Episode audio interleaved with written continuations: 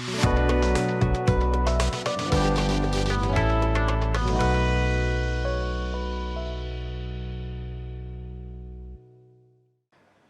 ္ဂလာပါရှင်မြန်မာပြည်သူပြည်သားအပေါင်းစိတ်ရချမ်းသာခြင်းကိုယ်ရည်ကျန်းမာခြင်းနဲ့ပြည့်စုံကြပါစေလို့ PPTV ဖွဲ့သားတွေကဆုတောင်းမြတ်တာပို့တာပါတယ်ခုတစ်ပတ်တွင်ဖြစ်ပေါ်ခဲ့တဲ့သတင်းတွေနဲ့ပတ်သက်ပြီးသတင်းကြချုပ်ကိုကျွန်မစင်စင်ကတင်ဆက်ပေးသွားမှာဖြစ်ပါတယ်ရှင်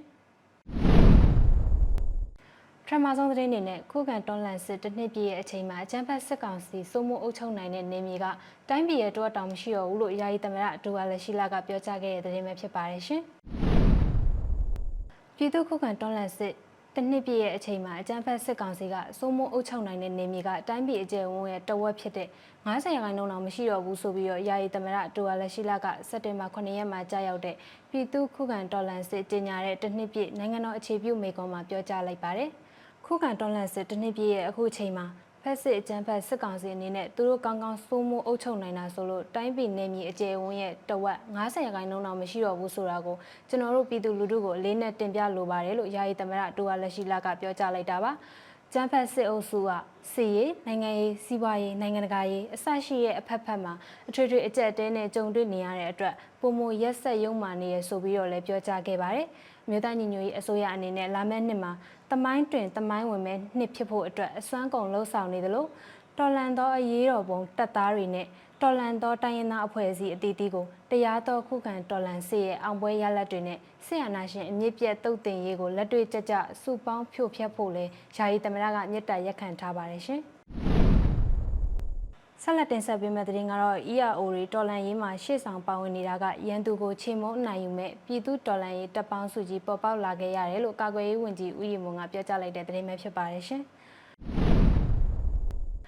တိုင်းနာတော်လိုင်းရေးအဖွဲ့ ERO တွေတော်လိုင်းရေးမှာထက်ထဲဝင်ဝင်ရှေ့ဆောင်ပါဝင်နေတာကရန်သူကိုချိန်မုံနိုင်ယူမဲ့ပြည်သူတော်လိုင်းရေးတပ်ပေါင်းစုကြီးပေါ်ပေါက်လာခဲ့ပြီလို့မြို့သားညီညွတ်ရေးအစိုးရကာကွယ်ရေးဝန်ကြီးဌာနပြည်အောင်စုဝန်ကြီးဦးရီမွန်ကစက်တင်ဘာ9ရက်မှာကြာရောက်တဲ့ပြည်သူ့ခုခံတော်လှန်စစ်တနစ်ပြည့်မှာပြောကြားလိုက်ပါတယ်။အစင်လာကြီးရဲ့တိုင်းရင်းသားတော်လှန်ရေးအဖွဲ့ ERO တွေဟာဒီတော်လှန်ရေးမှာထက်ထဲဝင်ဝင်ရှေ့ဆောင်ပါဝင်နေကြပြီဖြစ်လို့ရန်သူကိုချိန်မုံအနိုင်ယူမဲ့ ပြည်သူတော်လှန်ရေးတပ်ပေါင်းစုကြီးပေါ်ပေါက်လာခဲ့ပြီလို့လဲဆိုရမယ်အထူးသဖြင့်ငါတို့အားလုံးဥညွတ်လေးပြရမှာကငါတို့ပြည်သူတွေရဲ့ဂုံရောင်ပြောင်တဲ့တော်လှန်ရေးစိတ်ဓာတ်ပဲဖြစ်တယ်စစ်ကောင်စီရဲ့အကြမ်းဖက်မှုအမျိုးမျိုးကိုကြံ့ကြံ့ခံပြီးတော်လှန်ရေးမှာတန်ဋိဌာန်ရှိရှိထောက်ခံပါဝင်နေတဲ့ငါတို့ပြည်သူတွေကိုတော်လှန်ရေးအောင်ပွဲရယူပေးခြင်းဖြင့်သာငါတို့ကျေးဇူးဆက်နိုင်ပေးလိမ့်မယ်လို့ပြည်အောင်စုဝန်ကြီးကပြောကြားလိုက်တာပါတော်လှန်ရေးကာလတစ်နှစ်အတွင်းလိုအပ်တဲ့ chain out command တိစောက်မှုကိုကွက်ပြေနေပါဆောင်ရွက်နိုင်ခဲ့ပြီး ခရိုင်ကိုကဲရေးအဖွဲ့တွေအနေနဲ့အချိတ်ဆက်မိသေးတဲ့ကာကွယ်ရေးအဖွဲ့တွေကိုမြေပြင်မှာတွေ့ဆုံပြီးခရိုင်လိုက်စူးစီးမှုပုံစံကိုရှင်းပြကအားလုံးအတူတကွလက်တွဲပူးပေါင်းဆောင်ရွက်ရေးကြိုးပမ်းနေတယ်လို့ပြည်အောင်စုဝန်ကြီးကပြောကြားထားပါတယ်။ပြီးခဲ့တဲ့ပြည်သူ့ခုခံတွန်းလှန်စစ်တစ်နှစ်တာကာလကိုသုံးသပ်ပါကတော်လှန်ရေးအောင်ရန်လိုအပ်တဲ့ရေကန်မြေကန်အားလုံးကိုတိစောက်နိုင်ခဲ့ပြီဖြစ်တယ်ဆိုတာနဲ့ရန်သူကိုအချိန်ပေးလို့မရတော့ဘူးဆိုတာသိကြပြီး မြို့သားညီညွတ်ရေးအစိုးရနဲ့မဟာမင်းများအားလုံးလာမယ့်တစ်နှစ်အတွင်းတော်လှန်ရေးရဲ့အဆုံးအဖြတ်ကိုရယူဖို့စိတ်ပိုင်းဖြတ်ပြီးဖြစ်တယ်ဆိုတာလည်းထည့်သွင်းပြောကြားခဲ့ရတွေ့ရပါတယ်ရှင်။ဆက်လက်တင်ဆက်ပေးမယ့်သတင်းကတော့အခြေခံပညာပြီးမြောက်ကြောင်းစစ်ဆေးကဲဖြတ်ခြင်းဆိုင်ရာအချက်လက်တွေနဲ့နမူနာမေးခွန်းလွှာပုံစံတွေကို NUG ပညာရေးဝန်ကြီးဌာနထုတ်ပြန်လိုက်တဲ့သတင်းပဲဖြစ်ပါတယ်ရှင်။ အခြေခံပညာပြီးမြောက်ကြောင်းစစ်ဆေးအကဲဖြတ်ခြင်းဆိုင်ရာအချက်လက်တွေနဲ့နမူနာမေးခွန်းလွှာပုံစံတွေကိုမြို့သားညီညွတ်ရေးအစိုးရပညာရေးဝန်ကြီးဌာနကစက်တင်ဘာ9ရက်မှာသတင်းထုတ်ပြန်လိုက်ပါတယ်။ထုတ်ပြန်ချက်ထဲမှာအမျိုးသားညီညွတ်ရေးအစိုးရပညာရေးဝန်ကြီးဌာနက2023ခုနှစ်အခြေခံပညာပြီးမြောက်ကြောင်းစစ်ဆေးအကဲဖြတ်ခြင်းကို2023ခုနှစ်ဖေဖော်ဝါရီလမှာစတင်ကျင်းပမှာဖြစ်တယ်လို့ဖော်ပြထားပါတယ်။ ခြေခံပညာပြီးမြောက်ကြောင်းစစ်ဆေးအကဲဖြတ်ခြင်းကိုဖြည့်ဆို့ကြမဲ့ចောင်းသားတွေတင် जा ပေးမဲ့ဆရာတွေနဲ့မိဘအုပ်ထိန်းသူတွေအနေနဲ့မေကွန်းလာဆိုင်ရာအချက်လက်တွေနဲ့နမူနာမေကွန်းလာပုံစံတွေကိုကြိုတင်လေ့လာနိုင်ရန်အတွက်စက်တင်ဘာ9ရက်ကစတင်ပြီးဘာသာရပ်လိုက်နေ့စဉ်ထုတ်ပြန်ပေးသွားမှာဖြစ်တယ်လို့လည်းဖော်ပြထားပါတယ်။ဒါအပြင်မကြမီကာလအတွင်း online system သို့မဟုတ် internet မရတဲ့ data တွေမှာပါ offline ဖြည့်ဆို့နိုင်ရန်အတွက်ဖြည့်ဆို့ရမယ့်နည်းလမ်းတွေကိုလည်းတရုတ်ပြဗီဒီယိုတွေနဲ့ထပ်မံတည်ပေးကြေညာသွားမှာဖြစ်တယ်လို့လည်းဆိုပါတယ်။ ခြေခံပညာပြီးမြောက်ကြောင်းစစ်ဆေးအကဲဖြတ်ခြင်းဆိုင်ရာအချက်အလက်များအလုံးကိုမြို့သားညီညွတ်ရေးအစိုးရပညာရေးဝန်ကြီးဌာနရဲ့ website တရားဝင်လူမှုကွန်ရက်စာမျက်နှာတွေ channel တွေသတင်းမီဒီယာတွေအပြင်ဂျားကာလာအခြေခံပညာရေးအဖွဲ့အစည်းတွေထံအချိန်မီအစဉ်ဆက်မပြတ်ပေးပို့တည်ပေးကြေညာသွားမှာဖြစ်တယ်လို့လည်းပညာရေးဝန်ကြီးဌာနရဲ့ထုတ်ပြန်ချက်မှာဖော်ပြထားပါတယ်ရှင်။ဆက်လက်တင်ဆက်ပေးမယ့်သတင်းကတော့မလေးရှားနိုင်ငံသားရေးဝန်ကြီးဌာနနဲ့မြန်မာအရက်ဘက်အဖွဲ့အစည်း6ဖွဲ့တို့အကြားအွန်လိုင်းကတွေ့ဆုံခဲ့ကြတဲ့သတင်းပဲဖြစ်ပါတယ်ရှင်။ မလေးရှားနိုင်ငံသားရေးဝန်ကြီးဆိုင်ဖူဒင်အဗ်ဒူလာနဲ့မြန်မာအရက်ဖက်လူဖွဲ့စည်း6ဖွဲ့တို့အကြားစက်တင်ဘာ6ရက်က online ကနေတဆင့်တွေ့ဆုံမှုတွေပြုလုပ်ခဲ့ကြပါတယ်။ခုတွေ့ဆုံမှုကပထမဆုံးအကြိမ်ဖြစ်ပြီးတော့မလေးရှားနိုင်ငံသားရေးဝန်ကြီးကမြန်မာနိုင်ငံရဲ့အရက်ဖက်လူဖွဲ့စည်းတွေနဲ့ဆက်လက်ထိတွေ့ဆက်ဆံသွားဖို့အတွက်ဂတိကဝတ်တွေနဲ့အခြားသောအာဆီယံအဖွဲ့တွေအပါဆွေးနွေးမှုကြပြန့်လာစေရေးအတွက်ဂတိကဝတ်တွေပြုလုပ်ခဲ့တယ်လို့သတင်းထုတ်ပြန်ချက်မှာဖော်ပြထားပါတယ်။ ချမ်ဖတ်စစ်ကောင်စီကလက်ရှိအချိန်မှာရာဇဝတ်မှုတွေကိုတောက်လျှောက်ကျွလွန်နေသလိုကုလသမဂ္ဂအထွေထွေညီလာခံမတိုင်မီနိုင်ငံတကာရဲ့အတိမတ်ပြုမှုတွေပြင်းထန်ရအောင်ကြိုးပမ်းနေရဆိုပြီးတော့လည်းအတိပေးပြောကြားခဲ့တယ်လို့ထုတ်ပြန်ချက်မှာဖော်ပြထားပါတယ်။မြန်မာရပ်ဖက်ဖွဲ့စည်းတွေကမြန်မာနိုင်ငံလူ့ခွင့်ရေးကွန်ရက်ချင်းလူ့ခွင့်ရေးအဖွဲ့ကရင်လူ့ခွင့်ရေးအဖွဲ့ရှေ့ပြေးတန်အဖွဲ့မြန်မာရည်ကြီးမှုသူတေသနာနဲ့မျိုးသမီးများအဖွဲ့ချုပ်တွေဖြစ်ပြီးတော့မြမအရေးနဲ့ပတ်သက်ပြီးအဓိကထားဆွေးနွေးမှုတွေပြုလုပ်ခဲ့ကြတာ ရက်ဖက်လူအဖွဲ့အစည်းတွေအနေနဲ့ကလာမဲ့ကုလသမဂ္ဂထွေထွေညီလာခံမှာမြန်မာတန်မတ်ကြီးဦးကျော်ထွန်းမိုးထွန်းဆက်လက်တာဝန်ထမ်းဆောင်ရေးအတွက်လည်းမလေးရှားနိုင်ငံကထောက်ခံပေးဖို့တောင်းဆိုခဲ့ကြပါတယ်ရှင်ဆက်လက်တင်ဆက်ပေးမယ့်သတင်းကတော့စံရီ project ကနေ American Dollar 1.8တန်းကျော်ရရှိထားတယ်ဆိုတဲ့သတင်းပဲဖြစ်ပါတယ်ရှင်လူထုကောင်ဆောင်ဒေါအောင်ဆန်းစုကြည်ရဲ့တားဖြစ်သူကိုထိန်လင်းဖန်တီးထားတဲ့တစ်ထွင်းပကြီးကားကို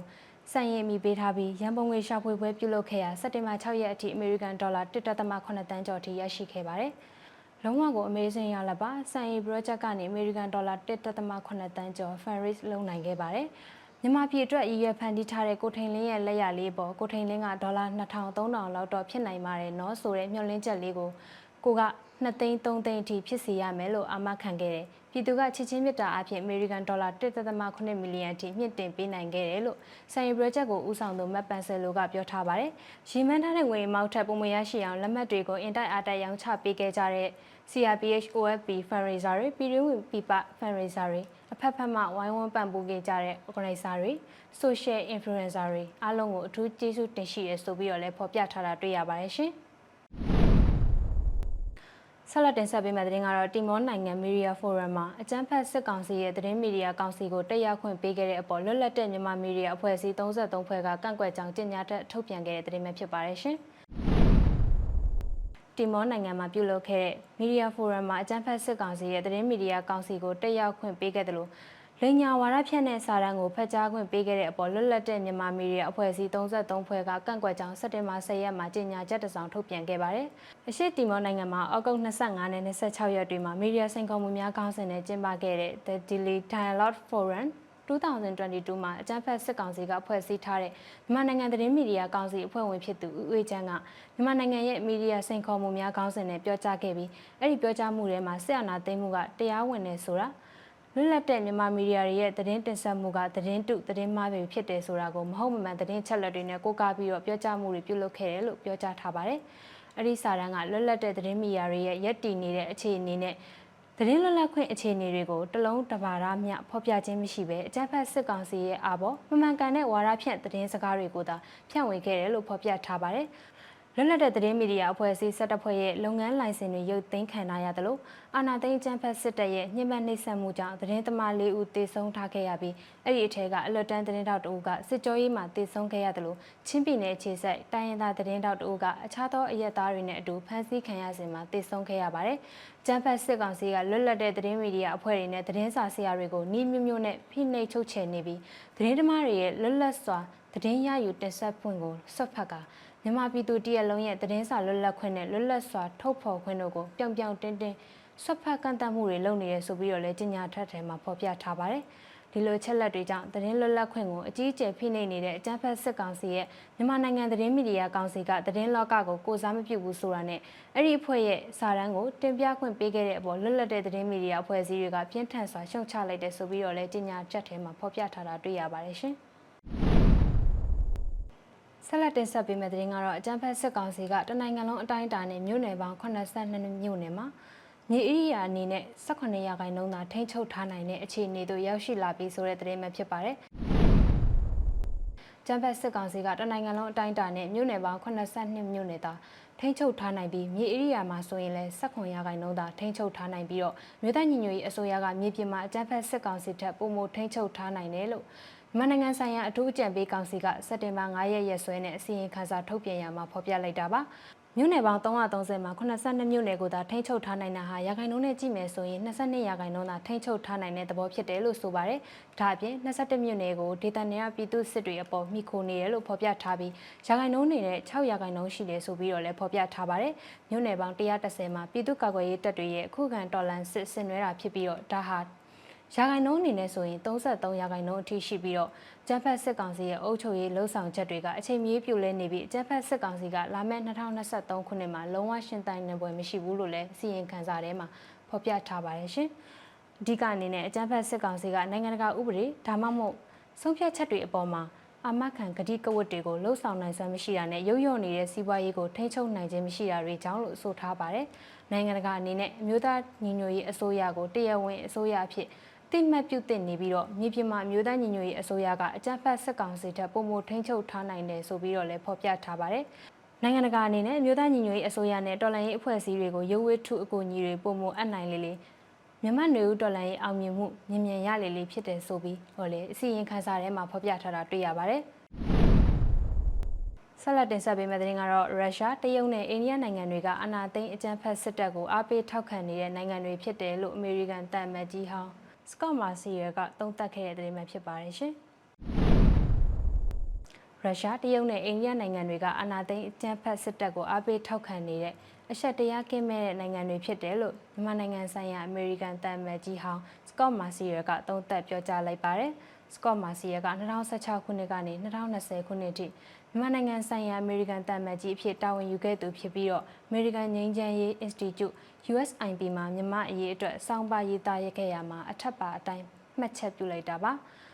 စကော့မာစီယကမြမအရေးမှာအကြမ်းဖက်စစ်ကောင်စီကိုထောက်ပံ့ကူညီမှုပြုလုပ်ပေးနေတဲ့သူတွေကိုအဆင့်30သတ်မှတ်ထားပြီးရုရှားတရုတ်နဲ့အိန္ဒိယနိုင်ငံတွေကိုအဆင့်1ထောက်ခံမှုအဖြစ်သတ်မှတ်ခဲ့တာပါ။ကြမ်းဖက်စစ်တပ်နဲ့ဆက်ဆံရေးခိုင်မာစွာရှိထားပြီးတော့ လက်နက်ပံ့ပိုးရောင်းချမှုတွေပြုလုပ်နေတဲ့အတွက်ဖြစ်တယ်လို့လည်းဖော်ပြထားပါတယ်။အစစ်နဲ့အုပ်စုအဖြစ်သတ်မှတ်ခဲ့တာကအာဆီယံဖြစ်ပြီးတော့အခုလိုသတ်မှတ်လိုက်ရတာကလည်းမြမအရေးမှာတူညီတဲ့သဘောထားတွေမရှိဘဲနဲ့အဖွဲ့အစည်းအတွင်းသွေးကွဲနေတာဆိုပြီးတော့မှတ်ချက်ပြုထားတာတွေ့ရပါတယ်။အာဆီယံကသဘောတူထားတဲ့ဆိုတဲ့ဘုံသဘောတူညီချက်၅ချက်ကလည်းအတိတ်ပဲမပြေဝသလိုဝေဝါးလွန်လှတဲ့အချက်လက်တွေဖြစ်ပြီးတော့စတင်လှုပ်ဆောင်ကြတဲ့ကအသက်မဲ့နေတဲ့အချက်လက်တွေပဲဖြစ်တယ်လို့ဆိုထားပါတယ်။ အဆင့်3အဖြစ်နဲ့သတ်မှတ်ထားတာကတော့အနောက်အုပ်စုဖြစ်တယ်လို့စကော့မာစီယကဖော်ပြထားပါတယ်။အဓိကပြက်ကွက်မှုကတော့ပြည်သူတွေရဲ့လက်နက်ကင်တော်လှန်မှုအပေါ်နားလည်သဘောပေါက်မှုမရှိတာဖြစ်တယ်လို့ထောက်ပြထားပါတယ်။အနောက်အုပ်စုတွေအနေနဲ့ပြည်သူတွေရဲ့လက်နက်ကင်တော်လှန်ရေးလမ်းစဉ်ကိုလက်ခံဖို့လိုတယ်ဆိုရပါတယ်။ဒါ့အပြင်အနောက်အုပ်စုအာဆီယံရဲ့မအောင်မြင်တဲ့ဘုံသဘောညှိနှိုင်းချက်ကို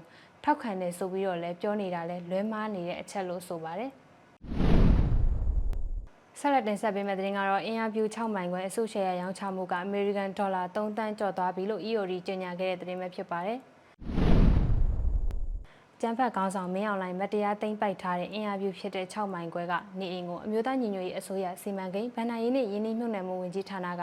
အစုရှယ်ယာရောင်းချမှုပြုလုပ်နေရအမေရိကန်ဒေါ်လာ3တန်းကျော်ဖို့အထိရောင်းချထားတယ်လို့ The End of Dictatorship ကစက်တင်ဘာလ10ရက်မှာကြေညာထားပါတယ်။ ခုဆို interview at 6.5မိုင်ကလည်းမနေ့ကတင်ဒေါ်လာ3တန်းကျော်သွားပြီး share 9000မှာ3000ကျော်ရောင်းပြီးပြီပေါ့ကာလတန်ဖိုးရဲ့သုံးပုံတစ်ပုံပဲဈေးဖြတ်ထားတာဆိုတော့တော်လန်ရေးပြရနဲ့နှစ်ဆကတေချာပေါက်မြက်ပြီးသားဖြစ်လို့စုမိရင်စုမိတယ်လို့ဝဲထားတော်လန်ရေးလည်းအမြန်ပြီးအကျိုးမြတ်လည်းကြံမှာဖြစ်လို့ငွေရှိလို့ရွှေဝယ်ထားအိမ်ဝယ်ထားတာထက်ပိုပြီးတိုင်းပြည်အတွက်ကိုယ့်အတွက်ပါကျိုးရှိမှာတေချာ နောက်တစ်ချိန်ကိုတိုင်းပြည်ကိုမြေမှာအခြေပြန်ချဖို့စဉ်းစားထားရင်လဲစုဆောင်းငွေကိုဗန်နဲ့တင်ထားမဲ့အစားချင်းကြရှင်းမဲ့ငွေဖြစ်ပြောင်းလဲပြီးဝယ်ထားတဲ့အင်အားပြူ at 6.5မိုင်ရဲ့ share တွေပါလို့ The Honor Dictatorship ကရေးသားထားပါတယ်6မိုင်ခွဲအိမ်ကိုအစုရှယ်ယာရောင်းချနေစဉ်မှာပဲ Spring ရန်ကုန် Investment ကိုတပိုင်နဲ့ထဲရောင်းချခဲ့ပေမဲ့ပြည်သူတွေကတော်လိုင်းရေးအသိစိတ်နဲ့စီမံကိန်းနှစ်ခုလုံးကိုဝယ်ယူခဲ့ကြတာပါ။